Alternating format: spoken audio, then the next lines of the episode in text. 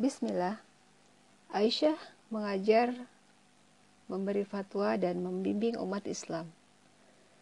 Pengabdian yang sejati kepada ilmu pengetahuan dilakukan dengan mengajarkannya kepada orang lain serta menggunakannya untuk membersihkan diri sendiri, memperbaiki keadaan umat Islam dan mengarahkan mereka ke jalan yang lurus. Karena itu Rasulullah SAW memerintahkan umat Islam dengan tegas Orang yang hadir di sini hendaklah menyampaikannya kepada orang yang tidak hadir. Hadis riwayat Bukhari, Muslim, Tirmizi, Nasai, Ibnu Majah, dan Ahmad. Apakah Aisyah benar-benar telah melaksanakan kewajiban mengajar dan membimbing umat Islam? Jawaban terhadap pertanyaan ini akan kami uraikan di dalam paragraf-paragraf berikut.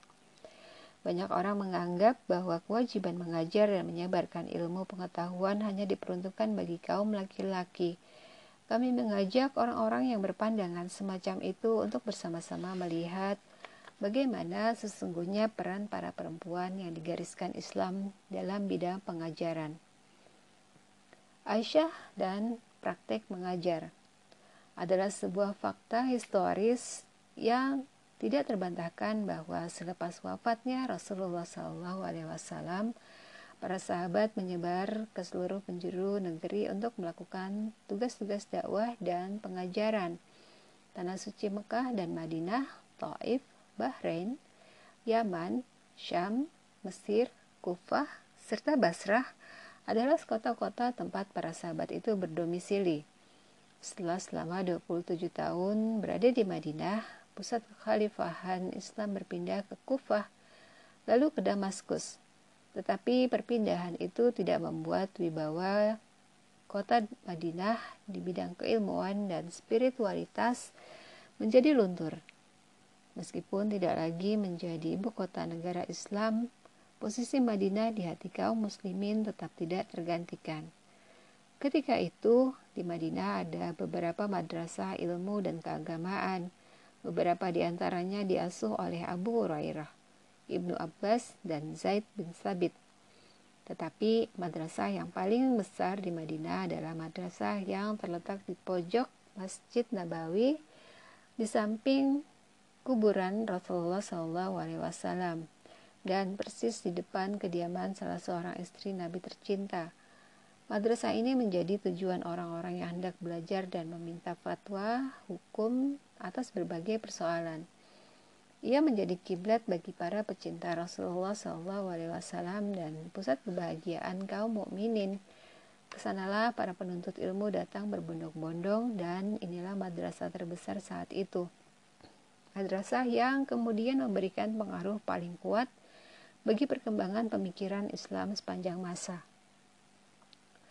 Aisyah adalah guru dan pengasuh madrasah itu murid-murid yang termasuk mahram dan sanak kerabat Aisyah, baik laki-laki maupun perempuan, dididik langsung di hadapannya. Sedangkan para lelaki yang tidak memiliki hubungan mahram dan kekerabatan belajar kepada Aisyah dari balik tirai. Orang-orang meminta fatwa hukum dan menanyakan beraneka persoalan kepada Aisyah, dan ia pun menjawab semua pertanyaan itu. Orang-orang itu beruntung memperoleh berkah dan menerima pelajaran tentang sunnah-sunnah Rasulullah SAW langsung dari Aisyah, sosok yang paling dekat dengan Nabi Muhammad SAW. Kadang-kadang Aisyah sendiri yang melontarkan sebuah persoalan untuk kemudian ia berikan jawabannya. Orang-orang mendengarkan dengan seksama atau semua hal yang diucapkan oleh Aisyah. Aisyah juga sangat memperhatikan kebenaran tata bahasa murid-muridnya. Ia tercatat kerap memperbaiki kesalahan bahasa para muridnya serta membiasakan mereka untuk berbahasa Arab dengan baik dan benar. Ibnu Abi Atik mengisahkan, aku pernah berbicara dengan Qasim di hadapan Aisyah. Qasim terkenal sering melakukan kesalahan dalam berbahasa. Ibunya adalah seorang budak yang telah dimerdekakan. Saat itu Aisyah berkata kepada Qasim, Mengapa engkau tidak berbicara dengan benar seperti keponakanku ini? Aku tahu dari mana engkau belajar. Keponakanku ini dididik oleh ibunya dan engkau dididik oleh ibumu. Hadis riwayat Muslim. banyak anak yatim dan orang miskin yang diasuh oleh Aisyah. Ia mengajarkan kepada mereka segala sesuatu yang diketahuinya, tanpa pernah menyembunyikan apa-apa. Sedangkan murid-murid Aisyah yang lain belajar kepadanya dari balik tirai. Orang-orang yang tidak memiliki kesempatan untuk bertatap muka dan belajar langsung dari Aisyah merasa sedih. Mereka sering merasa iri kepada rekan-rekan mereka yang beruntung memperoleh kesempatan untuk menjadi murid istimewa Aisyah. Kobisoh misalnya pernah berkata, Urwah bisa mengungguli kami karena ia memiliki kesempatan untuk menemui Aisyah sementara kami tidak. Hal ini sebagaimana terdapat di dalam Tasibut Tasib karya Ibnu Hajar As al-Asqalani. Pada masa kecilnya, Ibrahim An-Nakai, imam penduduk Irak, sering mengunjungi Aisyah. Kawan-kawannya iri melihat kesempatan langka yang didapat oleh Ibrahim. Abu Ma'syar meriwayatkan kisah kunjungan Ibrahim An-Nakai ke kediaman Aisyah itu. Ya kemudian ditanya, Bagaimana mungkin Ibrahim mengunjungi Aisyah? Ia datang bersama para bersama pamannya Aswad yang terkenal dengan yang terkenal dekat dan memiliki hubungan kerabat dengan Aisyah, hadis riwayat Ahmad. Setiap tahun Aisyah selalu melaksanakan ibadah haji. Dalam pelaksanaan ibadah, pelaksanaan ibadah haji, kita tahu umat Islam dalam jumlah yang besar berkumpul di sebuah tempat pada hari yang sama. Aisyah mendirikan kemahnya di antara Bukit Hiro dan Sabir. Ketika itu, para penuntut ilmu yang berasal dari seluruh penjuru dunia mendatanginya untuk mempelajari sunnah Rasulullah SAW.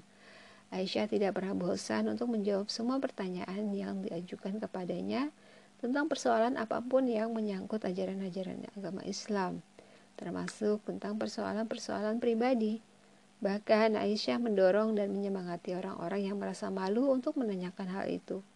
Abu Musa al-Asyari, salah seorang sahabat terkemuka, pernah berkata kepada Aisyah, Aku sungguh ingin bertanya kepadamu tentang sebuah persoalan, tetapi aku malu untuk menanyakannya.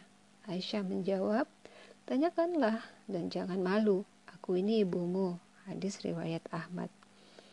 Dalam riwayat lain pernyataan Abu Musa al-Asy'ari itu berbunyi, "Wahai Ummul Mukminin, aku sungguh ingin bertanya kepadamu tentang sebuah persoalan, tetapi aku malu untuk menanyakannya." Maka Aisyah menjawab, "Engkau tidak perlu malu untuk bertanya kepadaku tentang suatu persoalan yang engkau tidak malu untuk menanyakannya kepada ibu kandungmu. Aku juga ibumu." Hadis riwayat Muslim. Pada kenyataannya, Aisyah memang mendidik murid-muridnya seperti seorang ibu mengasuh anak-anak kandungnya. Ia terlihat pada caranya mengajar dan mendidik Urwah, Qasim, Abu Salamah, Masruk, Amroh, dan Safiyah. Aisyah juga menafkahi mereka dengan hartanya sendiri. Bahkan beberapa kerabat dekat Aisyah sendiri merasa iri melihat kedekatan hubungan Aisyah dengan murid-murid lain yang tidak memiliki hubungan kekerabatan dengannya.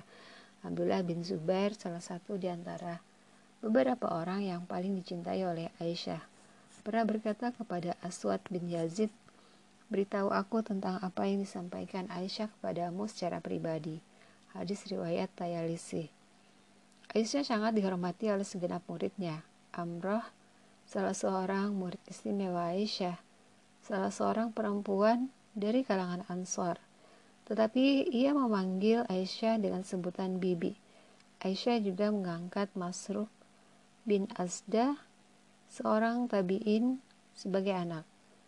Setiap kali Masruk meriwayatkan hadis dari Aisyah, ia selalu berkata, sebuah hadis telah diriwayatkan kepadaku oleh Aisyah, seorang perempuan yang benar dan lurus, putri dari seorang lelaki yang juga benar dan lurus, Asidikoh bintus Siddiq. istri tercinta dari kekasih Allah, perempuan yang bersih dari segala celah. Hadis riwayat Ahmad, Baihaqi, Tabrani, dan Ishaq bin Rawahib. Rahawai. Dari madrasah yang diasuh oleh Aisyah itu lahir banyak ulama, terutama dari kalangan tabi'in. Dalam Musnad Ahmad, Imam Ahmad bin Hambal mencantumkan sejumlah besar periwayatan Aisyah yang bersumber dari murid-muridnya ini. Berdasarkan perhitungan yang saya lakukan, jumlahnya mencapai 200 riwayat, baik yang diriwayatkan oleh para sahabat maupun tabi'in, oleh orang merdeka maupun budak, oleh orang yang memiliki hubungan kekerabatan atau dengan Aisyah atau tidak. Abu Daud At-Tayalisi wafat tahun 204 Hijriah juga menghimpun periwayatan murid-murid Aisyah di sebuah tempat tersendiri di dalam Sunan Abu Daud, tetapi jumlahnya sangat sedikit. Dalam karyanya atau Bakot Al-Kubro, Ibnu Sa'ad mencantumkan nama dan biografi murid-murid Aisyah Ibnu Hajar al-Asqalani dalam karyanya Tazibut Tahzib juga menyebutkan nama-nama orang meriwayatkan hadis dari Aisyah, baik mereka memiliki hubungan kerabat mau maula budak yang telah dimerdekakan, sahabat maupun tabi'in. Bismillah, Aisyah dan pemberian fatwa hukum. Dalam pembahasan sebelumnya telah kami paparkan beberapa bukti keutamaan dan keistimewaan Aisyah dalam berbagai bidang. Semua itu memberikan gambaran kepada kita bagaimana kehidupan Aisyah setelah Rasulullah SAW wafat. Secara singkat dapat kita katakan bahwa Aisyah menjalani sisa usianya sebagai sumber rujukan utama bagi orang-orang yang membutuhkan jawaban dan fatwa serta tujuan paling penting bagi setiap penziarah dan penuntut ilmu. Aisyah berhasil menjadi teladan dalam setiap lini kehidupan. Ada banyak bukti sejarah dalam literatur-literatur keilmuan umat Islam yang menunjukkan bahwa Aisyah juga menjadi sumber rujukan bagi para sahabat dalam setiap persoalan. Ketika itu, setiap pertanyaan yang berkaitan dengan hadis dan fikih bisa terjawab oleh Aisyah.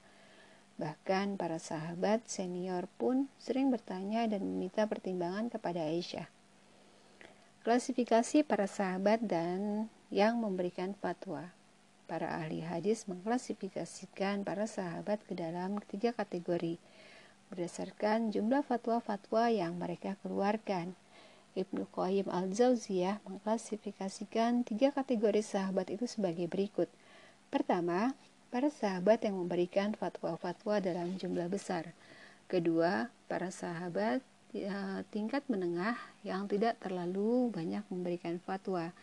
Ketiga, para sahabat yang jarang yang sangat jarang memberikan fatwa. Ada sekitar 130-an sahabat, baik laki-laki maupun perempuan, yang pernah memberikan fatwa mereka dalam satu atau lebih persoalan. Kelompok yang paling banyak memberikan fatwa terdiri dari tujuh orang, yaitu Umar bin Khattab, Ali bin Abi Thalib, Abdullah bin Mas'ud, Aisyah Ummul Mukminin, Zaid bin Sabit, Abdullah bin Umar, dan Abdullah bin Abbas. Muhammad bin Hazm pernah berkata, jika fatwa mereka dikumpulkan, maka tiap-tiap orang akan menghasilkan sebuah buku yang tebal. Konon Abu Bakar Muhammad bin Musa bin Yakub pernah mengumpulkan fatwa-fatwa Abdullah bin Abbas dalam 20 jilid buku. Abu Bakar Muhammad adalah salah seorang ulama terkemuka di bidang ilmu agama dan hadis. Para sahabat tingkat menengah yang mengeluarkan fatwa dalam jumlah yang lebih sedikit daripada kelompok pertama, menurut Ibnu Qayyim, meliputi antara lain Abu Bakar As-Siddiq, Ummu Salamah, Anas bin Malik, Abu Said Al-Khudri, Abu Hurairah, Utsman bin Affan, Abdullah bin Amr bin As, dan Abdullah bin Zubair dalam Ilamul Muwakiin karya ilmu Ibnu Qayyim al-Zawziyah dituliskan bahwa ada pula para sahabat yang jarang sekali memberikan fatwa. Setiap orang dari kelompok terakhir ini hanya pernah berfatwa sekali, dua kali atau sedikit lebih banyak. Mereka antara lain Abu Darda, Abu Yasar, Abu Salamah, Al-Makhzumi, Abu Ubaidah bin Zarah, Hasan dan Hussein, dua orang putra Ali bin Abu Talib, Nu'man bin Bashir, Ubay bin Ka'ab, Abu Ayub, Abu Tolhah, Abu Zar al-Ghifari, Ummu Atiyah, Safiyah Ummul Mukminin, Hafsah, dan Ummu Habibah. Fatwa-fatwa Aisyah pada masa Khulafaur Rasidin Aisyah telah memegang posisi pemberi fatwa semenjak Rasulullah Shallallahu Alaihi Wasallam wafat, yang menjadi sumber rujukan umat Islam dalam setiap persoalan hingga akhirnya ia pun wafat. Qasim adalah salah seorang dari tujuh ahli fikih termuka kemuka di Madinah berkata, Aisyah memberikan fatwa secara independen pada masa Khalifahan Abu Bakar, Umar, Utsman dan seterusnya hingga akhir hayatnya. Bahkan orang seperti Umar bin Khattab yang terkenal sebagai salah seorang mustahid terbesar Islam pun kerap berkonsultasi kepada Aisyah. Ibnu Sa'ad menuturkan Aisyah memberikan fatwa pada masa kekuasaan Umar, Utsman dan khalifah lain hingga akhir hayatnya. Sahabat-sahabat senior seperti Umar dan Utsman sering mengirimkan utusan kepada Aisyah untuk bertanya kepadanya tentang sunnah-sunnah Rasulullah SAW. Seperti kita maklum, pada masa Khalifahan Umar bin Khattab, tidak semua sahabat diizinkan untuk berfatwa hanya sahabat-sahabat tertentu yang memperoleh kewenangan untuk melakukannya. Salah satunya adalah Aisyah. Hal itu menunjukkan betapa Umar pun percaya dan mengakui keutamaan Aisyah di bidang keilmuan. Muawiyah bin Abu Sufyan pernah menjadi gubernur Damaskus. Jika ia menghadapi persoalan yang sulit dipecahkan, maka ia pun mengirim utusan kepada Aisyah untuk meminta petunjuk. Muawiyah juga tercatat pernah meminta Aisyah untuk menasehatinya seperti dijelaskan dalam riwayat berikut. Suatu hari Muawiyah mengirimkan surat kepada Aisyah yang berbunyi, Tulislah sebuah surat yang berisi nasihat untukku, tetapi jangan terlalu banyak kau nasihati aku. Aisyah pun menulis, semoga keselamatan tetap untukmu. Sungguh aku pernah mendengar Rasulullah SAW bersabda, Barang siapa yang mencari ridha Allah dengan membuat manusia marah, maka Allah pasti melindunginya dari mereka.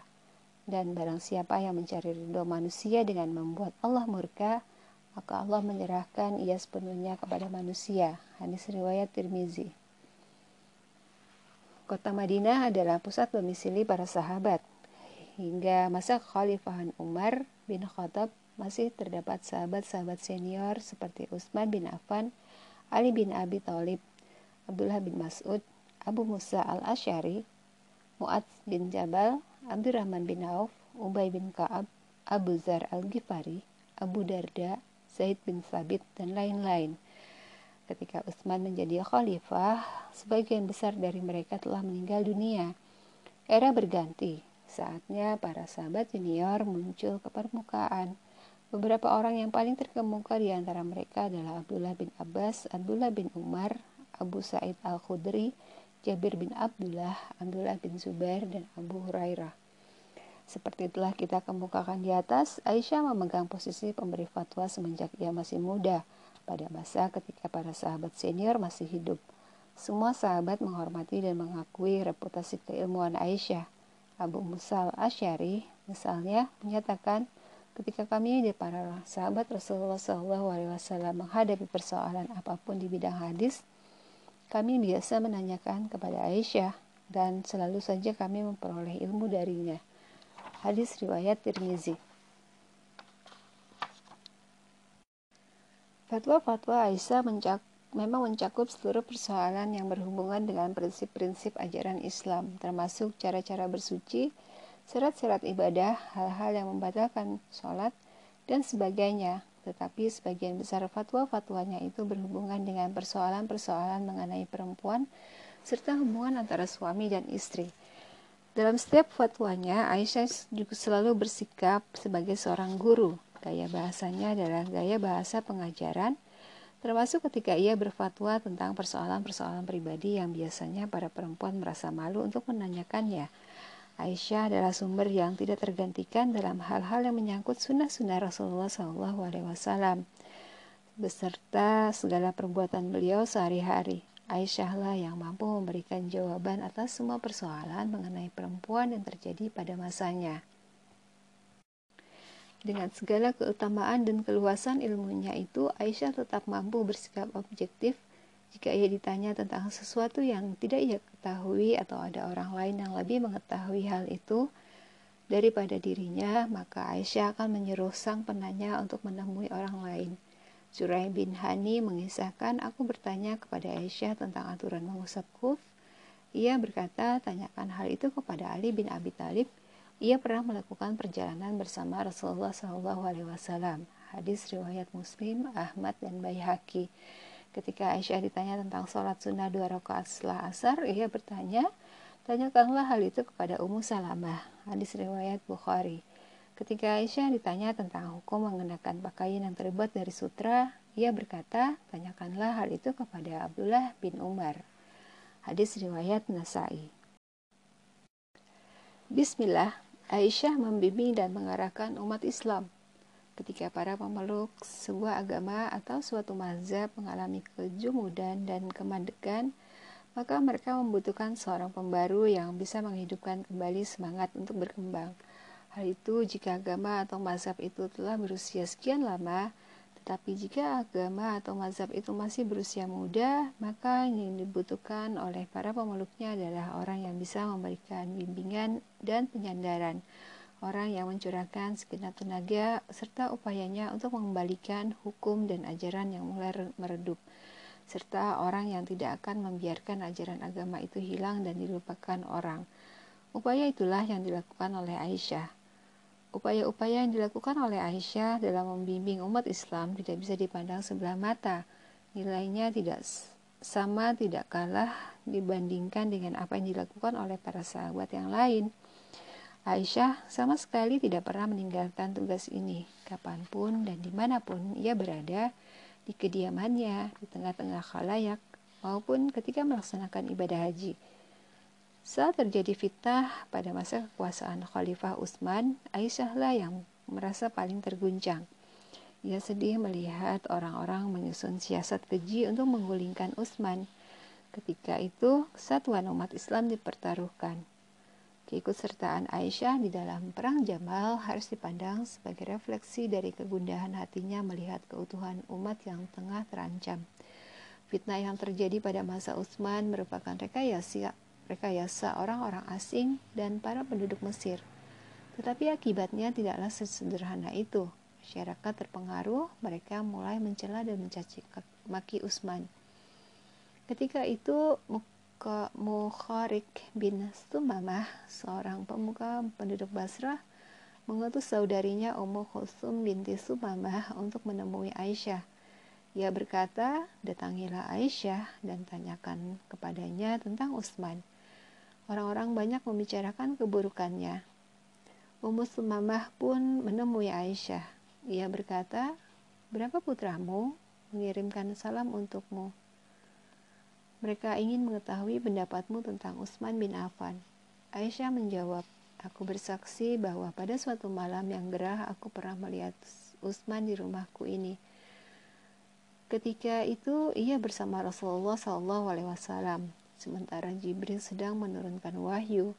Kemudian Rasulullah SAW menepuk pundak Utsman sambil berkata, Tulislah wahai Utsman, Orang yang Allah tempatkan dalam posisi terhormat semacam itu pasti adalah orang yang mulia. Siapa pun yang memaki Utsman, maka ia mendapat lak, mendapatkan laknat Allah. Hadis riwayat Tabrani. Pernyataan Aisyah itu diriwayatkan dengan redaksi yang berbeda dalam riwayat yang lain. Dikisahkan bahwa Aisyah berkata, Allah akan melaknat siapa pun yang melaknat Utsman. Aisyah mengucapkan hal itu tiga kali. Lalu ia melanjutkan, Aku pernah menyaksikan Rasulullah SAW menyadarkan paha beliau ke tubuh Utsman. Aku sedang mengusap keringat dari kening beliau saat itu. Sementara itu, wahyu sedang diturunkan. Rasulullah SAW telah menikahkan Utsman dengan dua orang putri beliau secara berturut-turut. Beliau berkata, Tulislah, wahai Utsman, Kukira Allah tidak akan membuat seorang memiliki posisi yang sedekat itu dengan Rasulullah SAW kecuali orang itu benar-benar mulia. Hadis riwayat Ahmad. Abu Salamah bin Abu Rahman bin Auf pernah berselisih dengan seseorang tentang persoalan tanah. ia mengadukan hal itu kepada Aisyah. Maka Aisyah berkata, jauhilah tanah itu karena Rasulullah SAW pernah bersabda, Barang siapa berbuat zalim sebesar satu jengkal tanah, maka lehernya akan dikalungi dengan kalung seberat tujuh bumi. Hadis riwayat Bukhari dan Muslim. Para penduduk Madinah menempatkan Aisyah pada posisi yang sangat tinggi. Mereka memiliki kebiasaan jika ada seorang bayi lahir, maka ia akan dibawa kepada Aisyah untuk didoakan. Suatu hari, seorang bayi dibawa ke hadapan Aisyah. Ketika Aisyah hendak meletakkan bantal, ia melihat sebilah pisau kecil di bawah kepala sang bayi.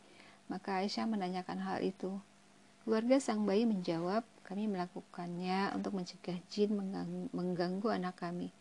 Maka Aisyah segera membuang pisau itu dan melarang keluarga sang bayi untuk melakukan hal semacam itu. Aisyah berkata, sungguh Rasulullah Shallallahu Alaihi Wasallam sangat membenci tiarah, perbuatan mempercayai pertanda buruk. Pada masa kekhalifahan Umar bin Khattab, umat Islam sebetulnya telah berinteraksi dengan bangsa-bangsa asing. Tetapi ketegasan dan kekuatan Umar berhasil menghindarkan umat Islam dari pengaruh-pengaruh negatif yang bersumber dari peradaban-peradaban asing itu. Inilah yang tidak berhasil dilakukan oleh Utsman.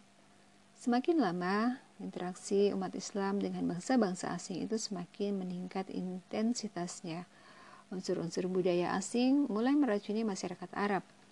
Beragam permainan dan hiburan mulai mewarnai kehidupan sehari-hari umat Islam. Permainan catur dan dadu yang membuat waktu terbuang sia-sia mulai merebak di mana-mana. Para sahabat tidak, tidak tinggal diam menyaksikan semakin memudarnya nilai-nilai Islam di tengah masyarakat. Mereka terus mencoba menyadarkan orang-orang. Begitu pula Aisyah Suatu hari, Aisyah mendengar kabar bahwa sebuah keluarga yang tinggal di rumahnya memiliki dadu. Maka ia mengutus seseorang untuk menegur mereka. Jika kalian tidak mengeluarkan dadu itu, maka akan kuusir kalian dari rumahku.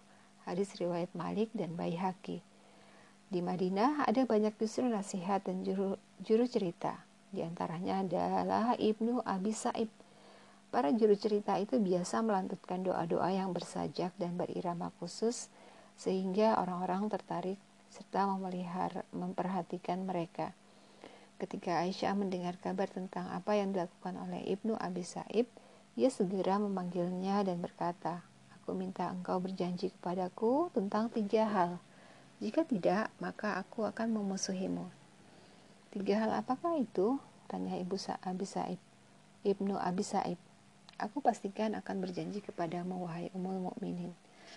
Pertama, jangan melantunkan doa yang bersajak karena Rasulullah SAW dan para sahabat tidak pernah melakukannya. Kedua, ceritakanlah kisah-kisahmu hanya sekali dalam seminggu. Jika tidak, maka cukuplah dua kali dalam seminggu. Jika itu pun tidak, maka cukupkanlah tiga kali. Jangan membuat orang-orang menjadi bosan mendengar kisah-kisah yang engkau ceritakan. Ketiga, Aku tidak ingin melihatmu mendatangi sekelompok orang yang sedang berbicara tentang urusan mereka sendiri. Lalu kau potong pembicaraan mereka, biarkanlah mereka, jika mereka memintamu untuk bercerita, maka barulah engkau boleh memenuhi permintaan itu. Hadis riwayat Ahmad dan Haisami. Islam menggariskan bahwa seorang perempuan yang diceraikan oleh suaminya harus melalui masa iddah di rumah suaminya itu. Satu-satu satu-satunya pengecualian hanya berlaku untuk Fatimah binti Qais yang melewatkan masa idahnya di rumah orang lain. Berdasarkan kisah itu, Abdurrahman bin Hakam membawa keluar putrinya ketika ia diceraikan oleh sang suami. Ketika Aisyah mendengar kabar peristiwa itu, ia segera mengirim pesan kepada Marwan bin Hakam, gubernur Madinah, bertakwalah kepada Allah dan kembalikanlah istri Yahya ke rumah suaminya. Marwan membalas, Abdurrahman bin Hakam memaksaku. Dalam riwayat lain, Marwan menulis balasan, Tidakkah engkau tahu kasus yang terjadi pada Fatimah binti Qais di masa Rasulullah SAW? Aisyah menjawab, apa masalahnya bagimu jika engkau tidak menyebut kasus Fatimah itu? Aisyah juga menambahkan Fatimah berada di rumah yang tidak aman dan menakutkan. Karena itu Rasulullah SAW memberinya keringanan. Seiring keberhasilan umat Islam dalam melakukan ekspansi ke negara-negara asing, mereka mulai mengenal berbagai jenis minuman keras baru, di antaranya adalah badik dan badih. Sebelum ekspansi itu terjadi, kata Khomer dalam bahasa Arab hanya meliputi jenis-jenis minuman tertentu. Maka orang-orang sibuk berdebat tentang apakah jenis minuman in baru ini termasuk kategori Khomer atau tidak. Aisyah mendengar informasi perdebatan itu dan ia memfatwakan bahwa minuman-minuman itu haram dikonsumsi. Ahmad meriwayatkan bahwa Aisyah berkata, Kalian telah dilarang mengonsumsi perasan buah yang disimpan di wadah terbuat dari duba, sejenis buah seperti labu, atau hantam wadah minuman yang terbuat dari tanah liat bercampur bulu dan darah, atau muzafat wadah minuman yang dilapisi ter. Setelah mengucapkan hal itu, Aisyah berbalik dan menghadapkan wajahnya kepada para perempuan. Lalu ia berkata, janganlah kalian meminum perasan buah yang disimpan dalam wadah keramik berwarna hijau. Dan jika minuman yang ada di dalam guci kalian telah berubah menjadi memabukkan, maka janganlah kalian meminumnya. Hadis riwayat Nasai. Mayoritas orang yang bisa menemui Aisyah tentu saja adalah kaum perempuan – mereka datang memohon petunjuk dalam perkara-perkara agama. Aisyah kemudian membantu menyelesaikan persoalan-persoalan apa pun yang mereka hadapi. Ia juga meminta agar mereka menyampaikan kepada suami-suami mereka apa yang telah diajarkannya. Suatu hari, beberapa perempuan dari kota Basrah datang mengunjungi Aisyah.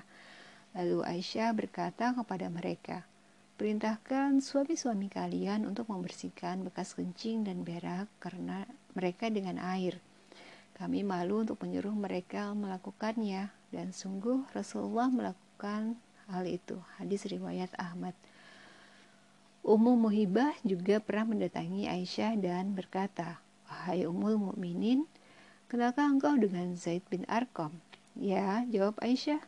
Aku menjual seorang budak perempuan kepadanya dengan harga 800 dirham, dibayar belakangan, kemudian ia berniat menjualnya kembali. Maka aku beli lagi budak perempuan itu dengan harga 600 dirham, dibayar tunai. Aisyah berkata, betapa buruk jual beli yang kalian berdua lakukan. Beritahu Zaid bin Arqam bahwa itu telah membuat semua jihadnya bersama Rasulullah SAW menjadi sia-sia kecuali jika ia bertobat. Hadis riwayat Baihaqi, Durukutni, dan Abdul Razak. Suatu ketika beberapa orang perempuan dari Syam mendatangi Aisyah. Lihat mereka, Aisyah berkata, Kaliankah perempuan-perempuan yang biasa memasuki pemandian umum? Rasulullah Wasallam pernah bersabda, tidak ada seorang pun perempuan yang melepaskan pakaian di luar rumahnya kecuali ia telah menghancurkan rasa malunya kepada Allah Subhanahu wa taala. Hadis riwayat Nasai dan Ahmad. Tidak dapat dibantah bahwa Aisyah merupakan pusat kerinduan hati ratusan ribu umat Islam ketika itu. Pada setiap pelaksanaan ibadah haji, para perempuan berkumpul di sekitarnya. Aisyah berjalan di depan mereka sebagai pemimpin dan pembimbing. Ketika berjalan kaki dalam kondisi semacam itu pun, Aisyah tidak pernah lupa untuk menunaikan kewajiban dakwah serta memberikan bimbingan dan pengarahan. Zafrah mengisahkan, aku pernah melakukan sa'i bersama Aisyah dan sekelompok perempuan lain di antara Bukit Safa dan Marwah. Ketika itu, aku melihat seorang perempuan yang mengenakan pakaian yang bergambar tanda salib. Maka Aisyah pun berkata, hilangkanlah tanda salib di pakaianmu itu, Sungguh jika Rasulullah Wasallam melihatnya, beliau pasti akan memotongnya. Hadis riwayat Ahmad. Aisyah juga melarang para perempuan untuk mengenakan perhiasan yang bisa menimbulkan suara. Ia tidak suka mendengar gemerincing bel. Bunanah Maula Abdurrahman bin Himban al-Ansari mengisahkan aku sedang bersama Aisyah ketika tiba-tiba seorang pelayan masuk dengan mengenakan bel kecil yang mengeluarkan gemerincing suara. Maka Aisyah berkata, Jangan kalian izinkan ia menemuiku kecuali kalian potong bel-bel kecil yang ada di tubuhnya. Mendengar hal itu, aku bertanya kepada Aisyah, mengapa ia tidak suka mendengar kabar bel? Ia menjawab, aku pernah mendengar Rasulullah Shallallahu Alaihi Wasallam bersabda, para malaikat tidak akan memasuki sebuah rumah yang di dalamnya terdapat bel, dan mereka tidak akan menemani sekelompok orang yang di antara mereka terdapat bel. Hadis riwayat Ahmad. Suatu hari Hafsah binti Abdurrahman bin Abu Bakar mengunjungi Aisyah dengan mengenakan sehelai kerudung yang tipis. Maka Aisyah melepas dan merobek kerudung itu, lalu menggantikannya dengan kerudung yang tebal. Hadis riwayat Malik dan Bayhaqi. Seorang budak mukatab laki-laki pernah menemui Aisyah untuk menyerahkan sisa terakhir dari uang tebusannya dengan begitu. Dengan begitu, budak itu menjadi orang merdeka. Maka Aisyah berkata, setelah ini engkau tidak boleh lagi menemuiku. Kau harus berjihad di jalan Allah. Aku pernah mendengar Rasulullah Shallallahu Alaihi Wasallam bersabda, orang yang di hatinya terdapat debu perjuangan di jalan Allah, maka Allah pasti mengharamkan neraka baginya. Hadis riwayat Ahmad. Bahkan Aisyah kerap menegur saudara dan kerabatnya sendiri. Suatu hari, Abdurrahman bin Abu Bakar, saudara kandung Aisyah, melakukan wudhu dengan cara yang buruk Melihat hal itu, Aisyah berkata, Wahai Abdurrahman, sempurnakanlah wudumu. Sungguh aku pernah mendengar Rasulullah Wasallam bersabda, Sungguh celaka orang yang tidak membasuh kakinya dengan sempurna dalam berwudu.